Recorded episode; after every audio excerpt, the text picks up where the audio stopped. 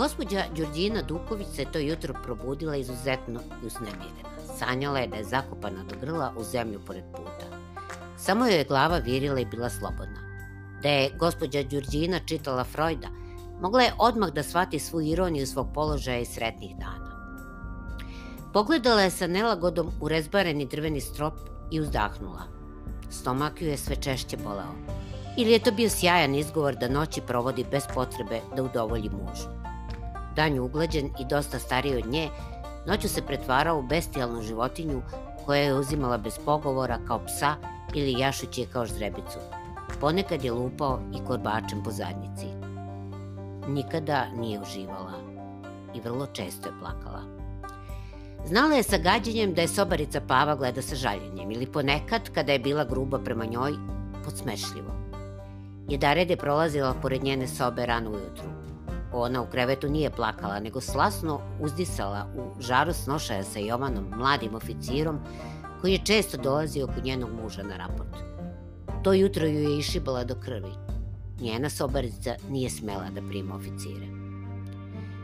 Spustila je svoje fino belo stopalo tršćanske gospođe na ledeno ružičasti beli mermer iz Joanine.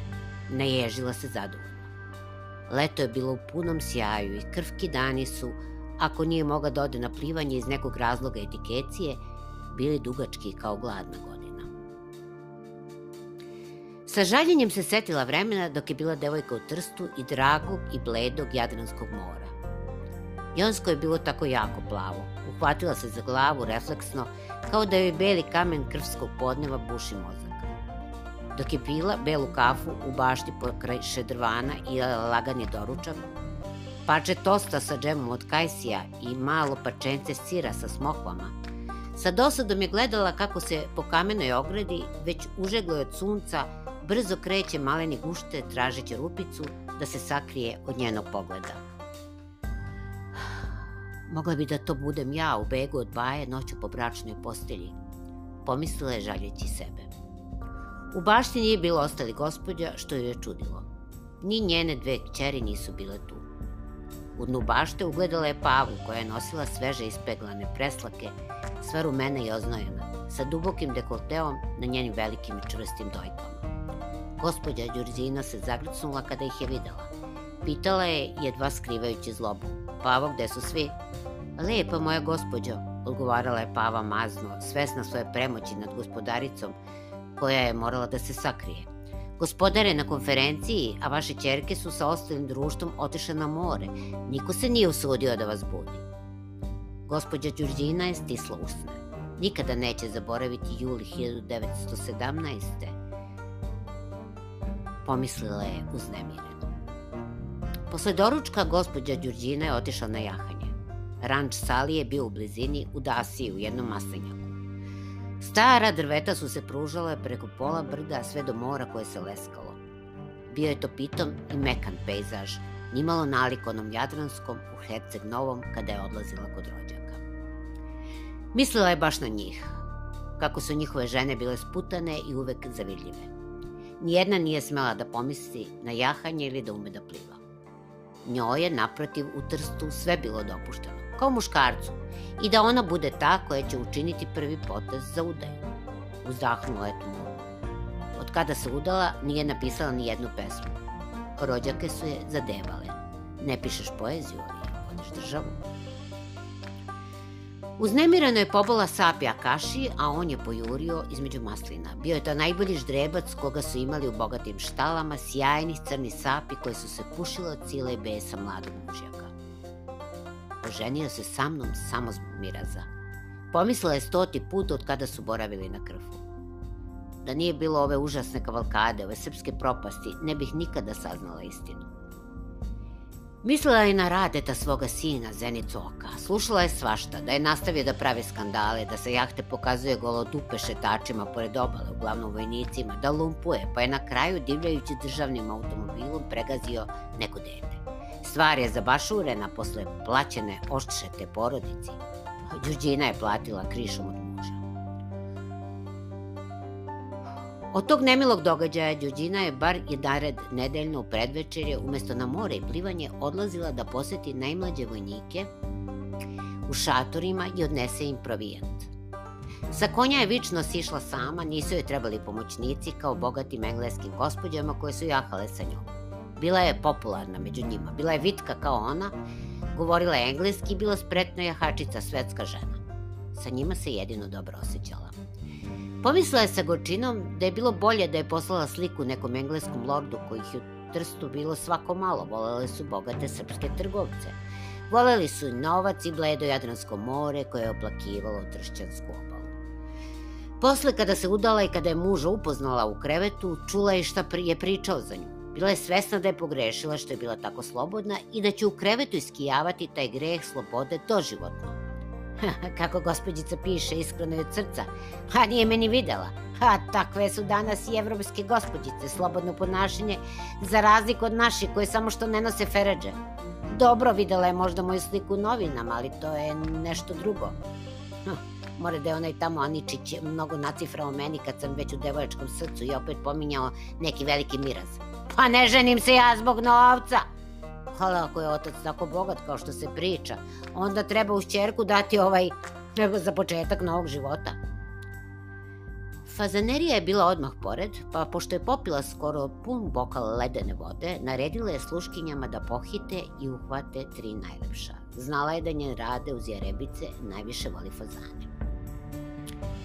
U raskošnoj bašti pansiona, a da se nije presluka iz jahaće ordežde, ubrala je svojom rukom lavande, majčine dušice, ružmarina, origana, čubra da začini fazane. Posle klanja koje je lično nadgledala, volala je te male glave koje su pri klanju bile tako mirne i pomirene dok su tele još nekada trčalo obezglavljena. Posle šurenja, čišćenja i čupanja, lično se uputila u kujnu da nadgleda kuvarice. Ceo pansion je mirisao slatko na meso fazana i lavandu. Fazane kada su isekli na komade, prvo su stavili u šerpu sa vodom i kuvale oko 45 minuta. Ovako se postizalo da meso fazana omekša i kasnije se lakše prži, a vodu koja je ostala posle kuvanja iskoristila je da napravi izvrsnu, izvrsnu supu. Sutra će poraniti i šta ostane odneti deci na vidu, pomislila je brižna Đurđina, pljeskajući rukama da se žuri jer muž samo što nije stigao. Izbačeni tako na vrleti ambise negostoljubive Albanije, desetkovani glađu i bolešću, tučenji nedobom i u besputnoj i divljoj zemlji, sačekivani i mučeni zasede, od Arnauta puškarani, Mi smo se kretali nemo i na tom putu umirali od najstrašnije smrti koja uopšte čoveka može snaći, od zime i gladi.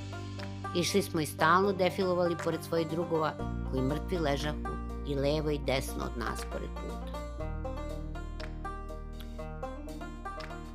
Nikada nisam video more. Majka mi je noću dok sam drhteći pored nje ležao, a planina odjekivala od hujanja ledenog vetra, pričala da je tamo gde idemo lepo i toplo i da je more plavlje od najplavljeg neba nad našom livadom i da je slano. To me je posebno čudilo. Kako slano? Ko je toliko plakao?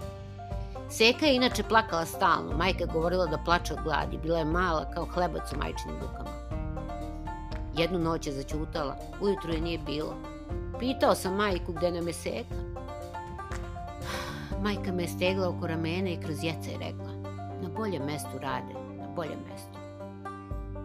Dugo sam mislio da smo seku ostavili nekoj porodici i da ću se posle rata vratiti po nju. Posle, kad smo stigli na more, sve je bilo tako. More je bilo slano, a ja sam puno plakao. Jedno jutro, dok su nas prebacivali sa obale na brod, noga mi je kliznula i ja sam poletao u provaliju. Majka je jako vrištala. Niko me ne bi spasao jer je brod bio pored samog doka jako visoko, a more duboko. Ko bi skočio za mnom, zaglavio bi se između doka i broda. Posle su mi rekli da bi me povukao pod brod i da bi se sigurno udavio. Jedan mornar, tako su se zvali ti momci koji su sa osmehom na preplanulom licu vozili brodovljem i uhvatio za ruku u poslednjem momentu. Tako sam visio iznad provalije dok me on nije podigao i predao majici. Mislim da ju je to dotuklo.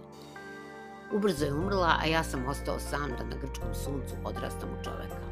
Mnogo sam čutao. Mislim da sam bio jedan od najmlađih dečaka kome su dali pušku. Imao sam ja i crne cokule koje su skinuli sa leše jednog starijeg dečaka. Njega su bacili u more. Nisam teo da ih nosim, dok nisam video zmijurine. Iscepao sam krajeve mojih dugih gaća i tako sam u kratkim pantalonicama sa zavojima umesto čarapaka na mojih prevršavim nogama nosio ogromne cipele, bar tri broja veće. Ali je to bilo odlično, jer sam ih se iz zmijurina jako plašio. Rekli su mi da nisu otrovne, ali su lagali. U zidovima prema drugim vilama i levo i desno u periodu u kome smo mi bili pojavljivale su se zmijurine. Ukupno sam četiri video. Suntale su se po zidovima i na plažama ih je bilo. Jedan dan sam skočio u more, naučio da plivam, kakva je to radost bila i izronio pravo na jedu. Nisam mogao da zamislim, nisam mogao da zamislim da mi poskok bude na putu, a bilo ih je rogatih kao nečastivi. Nas decu su zbog zmija stavile italijanske sestrice da spavamo zajedno. Ja sam spavao sa cokolom ispod glave i puškom u ruci pod šatorskim krilom.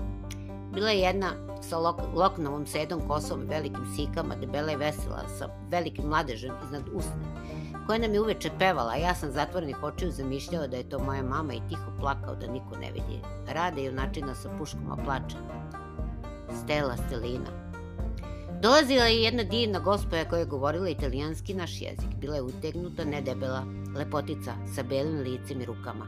Hranu je davala najmanjima. Mene nije ni gledala. Jedan dan me je pogledala.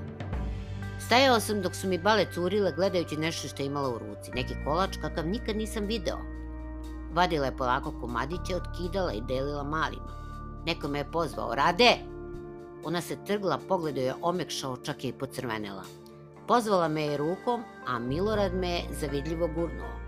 Mrmljao je da gospodarica Đuđina ima sina koji se zove isto kao ja, pa sam je verovatno podsjetio na njega.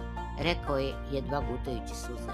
Blago, blago tebi. Otkinula mi je komadić kolača. Ja ga nisam uzimao, razumela je. Otkinula je još jedan za Milorada. Odahnuo sam, rasplakao se. Zgrabio sam ga iz ruke i odjurio kod Milorada. Nas dvojica smo imali samo jedan drugog. Đurđina je odjednom obrisala suzu koja se teško skotrila iz lepi obraz. A bio je tako divan, topao, letnji, slani, krvski dan. Zagrizao sam kolač, sok od purovnice mi se rasprsnuo po musovom obrazu. Bilo je to nešto najlepše i najslađe što sam ikad imao u ustima. Zatvorio sam oči dok mi se more ljeskalo u njima. Rade je pljunuo na pod pansiona prezirivo, gledajući oca kako se umeva. U dnu sobe, pava sa velikim sisama, nameštala je gospodaru krevet. Rade ju je odmerio, oblizujući se. Otac ga je lukavo pogledao kroz odumivanja čupave velike obrve. Pogledao je bradu, žalostivo se gledajući u, obraz, u ogledalu. Duboko je uzdahnuo. da se nisi osudio, to je omiljena služavka tvoje majke. O, italijanka bi odmah namirisala. Pa nisam joj ja muž bajo, nego ti, tebe će da miriše, mene neće, ja sam joj sin jedinac. Zakikao da se rade ironično. Pašić ga je besno pogledao. Rekao sam ti da me ne zoveš tako. Rade se lecnuo. Znao je kako otac ume razorno da besni. Iako je bio odrastao, čuvao se njegovog štapa. Reče pomirljivo, dobro, bajo, taj. Ma šalim se, neću više, nego sam došao da popričam onim rudnicima. A ja mislio o tvom ponašanju, reče rasejan otac. Pavo, viknuo je sluškinu. Idi zovi malog radu da mi donese preslaku i čizme da se sijaju. Danas ćemo se slikati, potpisujemo deklaraciju. Nastavio je sinu, brižljivo mažući bradu mirišljavim arganovim i jojobinim uljem koje mu je iz Amerike doneo neki diplomata još pre rata. Nije mogao bez njega, a sad ga je jedva nalazio. Pogledao je sa zadovoljstvom malu brown bočicu na kojoj je pisalo Honest, Amish, Classic, Beard, Oil – Đurđina mu je još onomad prevela naziv sa gađenjem i prezirom ga gledajući. Pošteni amiš klasično ulje za bradu. Pava izašla iz gazdine sobe merkajući sinu. Ne bi bilo loše raširiti noge, pomislila je raspusno, gazdarica bi me mrzela, uf, kako bi me mrzela. Osetila je kako je bradavice bubre od straha i hodniku je naletela na malo gradu, čizme su se sijale i da mu se ne zapovedi. Rastužila se i poljubila ga u kosicu. prošašuljila ga po njoj. Dođi posle u kujnu da doručkuješ, vidi kakav si, promrmljala je. Rada je stajao i ćutao dok su mu ogromne oči bile pune suze. Jedna je kapnula i na čizmu. Pava se setila. A zovi Milorada iz štale i on mora da doručkuje. Rada je odmah obrisao nos rukavom i bosonog odjurio u Pašićevu sobu bez kucanja. Moramo detetu naći neku obuću, pomislila je Pava brižno, sa gađenjem se setivši onih čizmetina u kojima su dete doveli kod nje. Rade je grunuo u sobu kao svako malo dete, kada je video Đuđiđinog sina, ukočio se. Nije prošao dan da ga ovaj ne udari preko leđa. Sada ga je gledao zlobno. Šta si očekivao, sine, da će majka pustiti da sve prođe onako? Kad god vidim ovo dete, pomislim na tebe kad si bio mali. Možeš misliti kako ti je majica italijanka, Rade je besno ćutao. Otac je zadovoljno pružio stopala da ga mali nazove. Rade, moj mali, baš si vredan. Bacio mu je srebrnjak u krilo. Okrenuo se sinu. A ti, ti bi onu platinu, a? Rade ga je iznenađeno pogledao. Mislio sam da ne znaš. Sve Baja zna, samo pazi. Ako te uhvate, ja ću te se odreći. Imam poslo s ovom deklaracijom i prekošire. Nastavio je Pašić, gledajući se zadovoljstvom mirišljavu bradu. Ništa ne govori, ozareno mu se obratio sin. Ovo mi je sasvim dovoljno, revoir, mon père. Jebem te u strane jezike, pu! Zadovoljno promrmlja otac, mazeći glavu malom radetu, koji mu je još uvek vezivao pertle na čizmama kojima se mogao ogledati. Kriše me rukavu, obrisao mrlju od suze koja je kapnula. Have a peek into every corner of Georgina wardrobe. Find inspiration while browsing throughout her outfits and favorite fashion pieces. Mlada blogerka je kliknula save, zadovoljno pogledavši kroz svoj londonski prozor.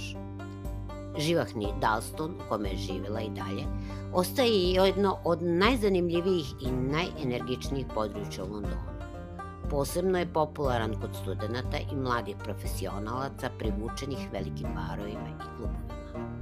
Sa kombinacijom viktorijanskih kuća sa terasama, imanjima bivših političara i novim modernim visokim zgradama, Dalston je najcool mesto u gradu. Dotakla je oko vrata divnu minimalističku ogrlicu od platine. Pre neki dan su je zvali iz Srbije da napiše priču o svom pradedi. Bio je to veliki izazov za nju, osjećala je.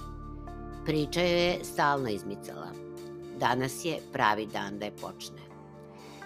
Za ceo svet ona je bila čuvena modna blogerka. Za Srbiju mislila je, mogla je da bude nešto više.